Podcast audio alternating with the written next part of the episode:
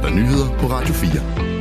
Det er Ruslands præsident Vladimir Putin, der er ansvarlig for Alexei Navalny's død, det siger USA's præsident Joe Biden ved et pressemøde i det hvide hus. Tag ikke fejl. Putin er ansvarlig for Navalny's død, siger han. Præsidenten bliver på pressemødet spurgt, om der er tale om et snimor. Til det svarer Biden, at man ikke kender til omstændighederne. Vi ved ikke, hvad der præcist er sket, men der er ingen tvivl om, at hans død skyldes Putin og hans bøller, siger Biden. Navalny's død blev meldt ud af russiske fængselsmyndigheder tidligere i dag. Dødsfaldet er dog ikke bekræftet af hans familie eller hans hold af advokater og hjælpere. Alexei Navalny, der tidligere har forsøgt at stille op til det russiske præsidentvalg, er kendt som en af de største kritikere af Putin. Hans angivelige død kommer omkring en måned før der er præsidentvalg i Rusland. Meldingen kommer ikke som nogen overraskelse, siger den amerikanske præsident, men han er ikke desto mindre meget forarvet. Biden siger videre, at han ikke har grund til at tro, at meldingen om dødsfaldet ikke er sand.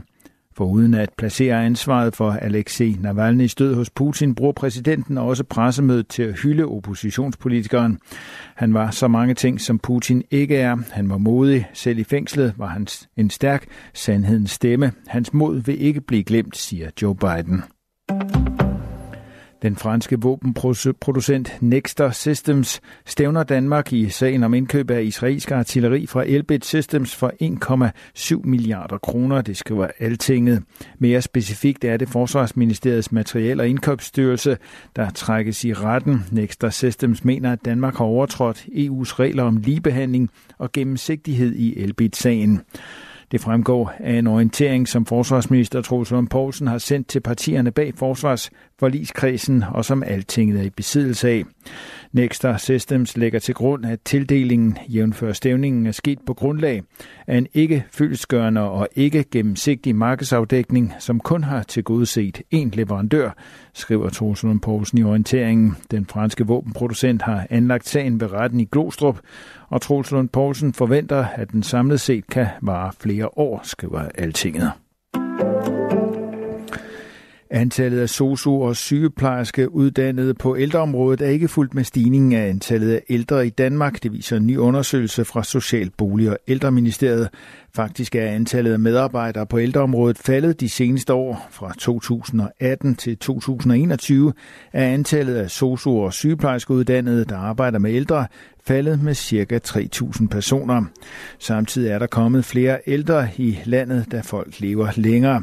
Det er en massiv udfordring for velfærdsområdet, siger ældreminister Mette Kirkegaard, Mette Kirkegaard i en pressemeddelelse. Her kommer hun blandt andet også ind på, at regeringen har præsenteret et udspil, der styrker sociouddannelser, og at de vil afsøge muligheden for at indgå partnerskaber med tredje lande om rekruttering af medarbejdere.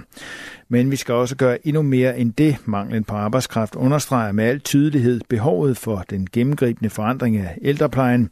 Vi er klar til at foretage med den kommende ældrereform, siger hun. Den massive medarbejdermangel skal nedbringes, siger Mette Kirkegaard god ældrepleje rimer på eller er afhængig af, at vi har dygtige medarbejdere, og det er jo fordi ældrepleje handler om omsorg, om relationer, siger hun. Noget af det, vi også gør, det er at kigge ind i brugen af velfærdsteknologi. Det er også et af initiativerne i ældrereformen, så det kommer vi til at følge nøje, siger ministeren. Skyder og en overgang regn i løbet af aftenen klarer det op fra nordvest. I løbet af natten bliver det til dels klart i de nordlige egne. Temperaturer mellem 2 og 7 grader. I morgen lørdag tørt med nogen eller en del sol, men i perioder dog stedvis mere skyde. Og temperaturer i morgen op mellem 4 og 9 grader. Det var nyhederne med Thomas Sand.